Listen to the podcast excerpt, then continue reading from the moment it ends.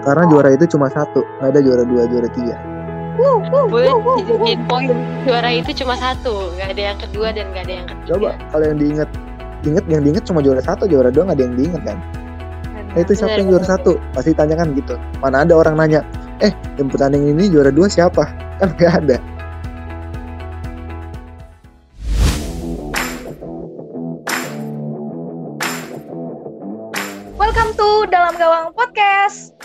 Bersama gue di sini Evelyn Aurelia dan kalian bisa panggil gue Evelyn dan partner gue Andrea.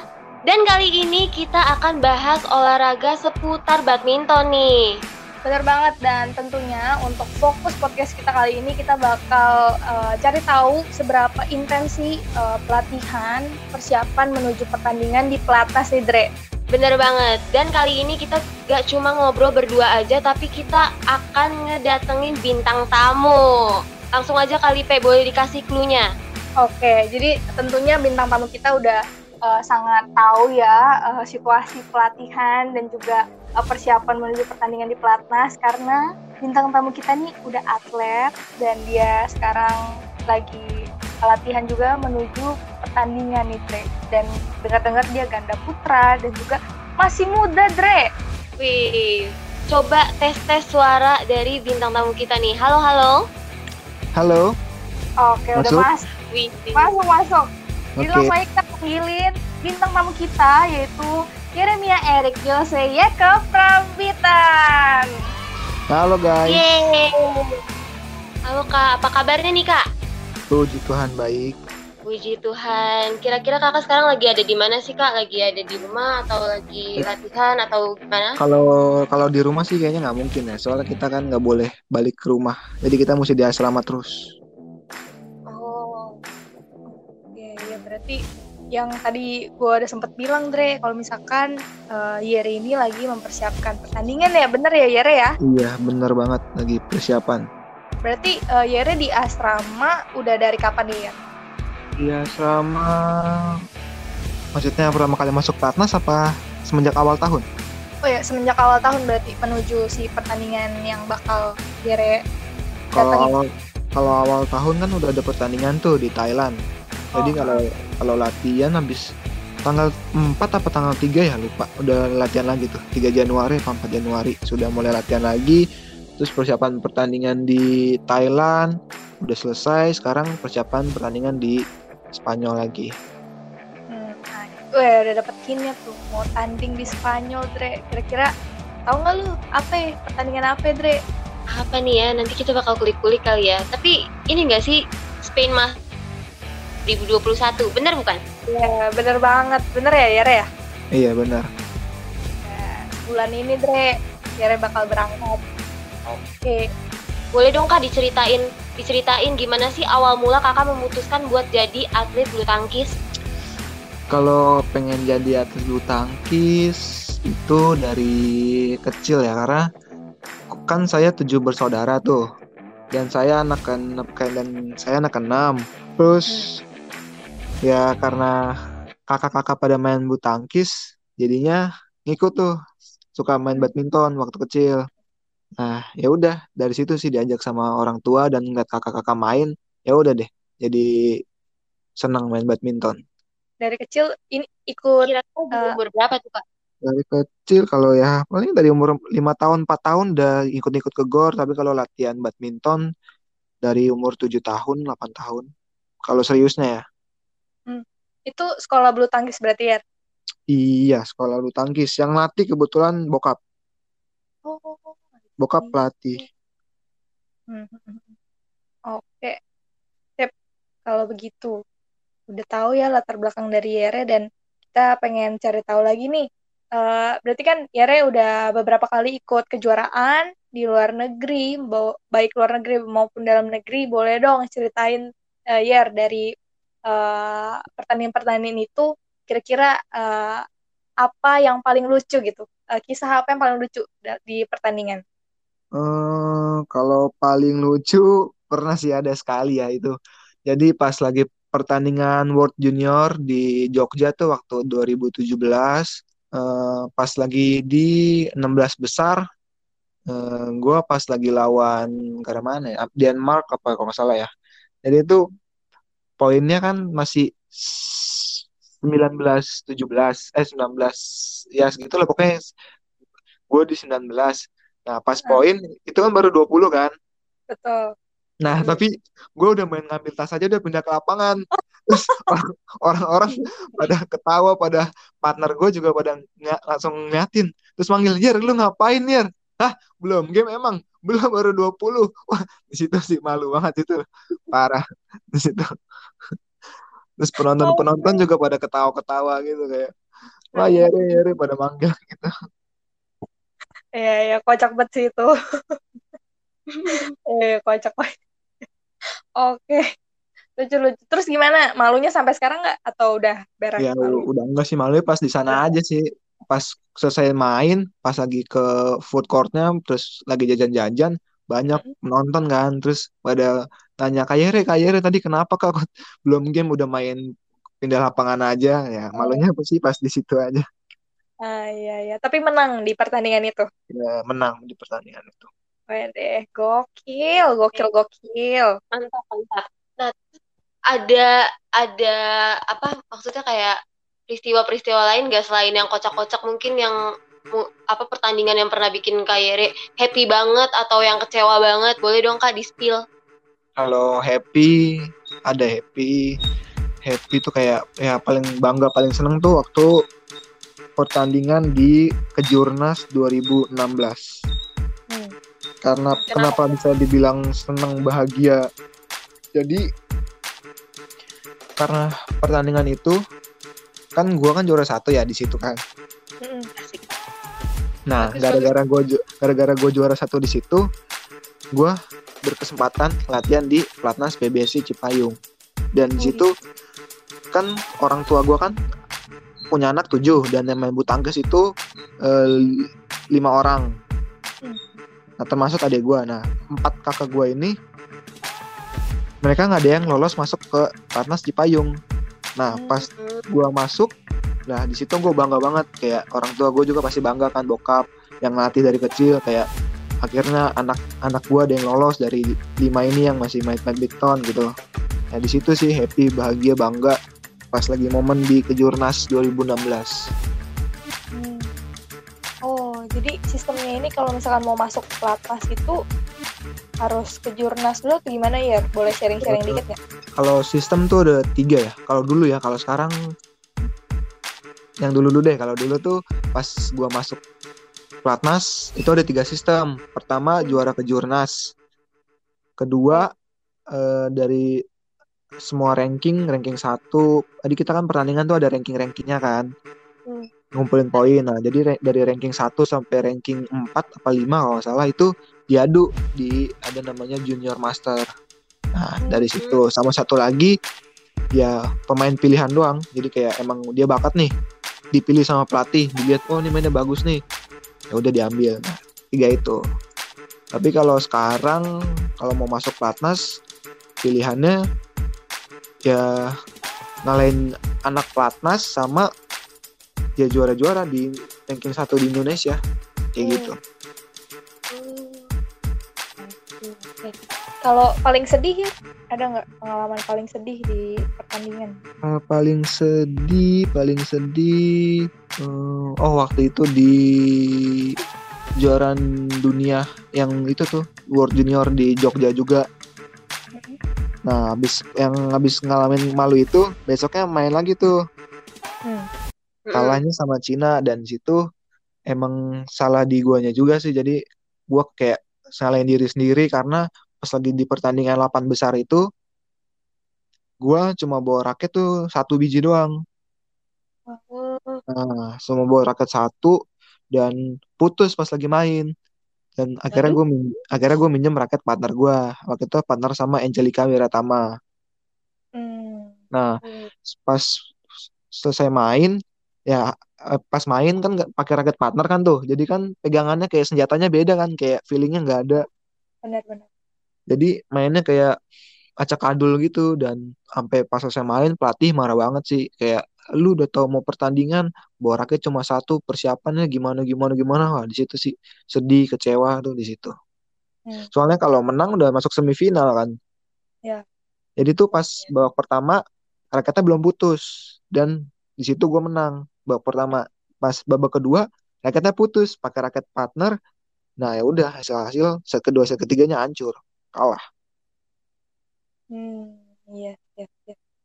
Oke, thank you ya udah sharing-sharing, tapi semuanya itu udah berlalu, yang baik, yang buruk, yang lucu, semuanya udah udah jadi kenangan lah ya, dan sekarang udah move on, bentar lagi udah mau tanding di Spain uh, Masters 2021, bener ya Dre ya? Betul. Nah, kira-kira nih eh, sebelum menjelang Spain Master Mei 2021 ini apa aja sih persiapan yang udah Kak Yeri lalui gitu selama di Platnas? persiapan persiapan udah dari dua minggu lalu. Dua minggu lalu tuh ya dimaksud dengan persiapan kayak kalau kita kan ada dua ada dua tuh ya ganda putra ada ganda putra, putra utama dan ganda putra pratama. Nah kalau Yere kan udah masuk di ganda putra utama. Hmm. bareng latihan kayak Kevin Markus gitu-gitu yang semacam-macam yang lain. Nah tapi karena tahu pertandingan di Spanyol dan di Spanyol juga pemainnya yang bagus-bagus pada ya yang ikut dikit cuma beberapa doang yang bagus. Jadi kesempatan untuk juaranya ada kan. Nah, jadi mulai latihan tambahan semangat itu kita tim ganda putra utama latihan jam 8. Nah, Hmm. karena Yere tahu ada kans buat juara, Yere ya latihan dari jam setengah tujuh udah mulai latihan duluan tuh tambahan sendiri minta. Gabung sama yang ganda putra yang pratamanya tuh. Minta ditolong di ya pokoknya tambahan lah tolong dibantu sama mereka. Dan Yere juga minta pelatih yang Pratama bilang kok saya mau di- tolong dibantu dong kok persiapan. Nah mereka juga welcome kayak oh ya udah sini kalau mau latihan mau gabung kalau mau persiapan. Ya udah terus latihan dari jam setengah tujuh selesai. Terus gabung lagi sama yang yang utamanya yang jam 8 yang program Yere latihan. Nah selesai latihan lagi itu habis program selesai ya Ria latihan lagi tambahan drilling. Wah jadi bener-bener diforsir banget sih. Dan sekarang se- karena terforsir banget jadi sekarang kayak kecapean lemes. Jadi yes mau istirahat dulu dua hari sehari baru nanti gas lagi persiapan. Kayak gitu. Biasa berarti dalam satu hari latihannya berapa jam tuh ya? Dari jam 7 pagi, eh setengah 8 deh tadi. Nah, setengah tujuh kalau yang ya, setengah kal- tujuh. kalau yang utama latihan jam 8 sampai jam 11 jam 12 Oke. bayangin tuh kalau ya berarti dari jam setengah tujuh sampai jam 12 itulah setengah Wah, 12 lah wah, hampir setengah harian dan itu berkeringat terus tuh, Dre. Iya, dan ju- Gua, dan gua, juga eh, habis itu latihan lagi jam 3 sampai jam 5. oh, Iya, jadi kita latihan sehari dua kali. Hmm, Oh, nice. kalau boleh tahu nih Kak, detail-detail latihannya itu seperti apa aja sih Kak? Kalau pagi kita biasanya la- latihan tekniknya. Latihan teknik itu kayak latihan main badminton, kayak main game, drilling, ya ya pokoknya main badminton. Tapi kalau sore kita lebih banyak di latihan fisik, nge-gym, latihan Hmm, karet, nah seperti itu. iya, iya. Oke. Oh, terus eh, masalah makanan itu juga dijaga sama pihak pelatnasnya atau gimana ya? Nah, sekarang tuh semenjak pandemi banyak banget peraturannya ya. Kayak sekarang udah nggak boleh gojek lagi kita. Oke. Bahkan kayak teman atau saudara mau ngasih makanan gojek orang tua yang orang yang rumahnya di Jakarta mau ngirim makanan itu nggak bisa pakai gojek. Mesti diantar langsung sama keluarga atau teman Oh, gitu. Terus kalau makanan di sini kita ya ada dokter gizi. Kita di sini ada ada dua dokter gizi. Jadi kita benar-benar diatur makanannya kayak gitu. Hmm, oke. Nice. Berarti Yere udah ini ya, apa vaksin COVID dua kali bener gak Iya, sih? udah dua kali. Iya. Oke. Untuk selanjutnya nih Kak, Kak Yeri sekarang lagi sibuk apa aja sih selain bermain bulu tangkis? Ada kesibukan lain nggak yang Kak Yeri lakuin? Kesibukan, kalau kesibukan apa ya? Ya palingan nonton drakor sih. Lagi nonton drakor apa nih? Waduh, Jadi suka nonton drakornya Kak? iya tadinya sih Iya, sekarang lagi suka nonton drakor Lagi ngikutin apa Kak? Tapi sekarang lagi non, non- ngikutin Crash Landing on You apa sih? Bener itu ya? Ah, Chloe, Chloe, ya benar. Ya, itu. Oh, Crash Kata Landing on teman-teman sih bagus. Ya udah, pengen nonton coba. Bagus kok, bagus. Bagus, bagus. Oke, sip.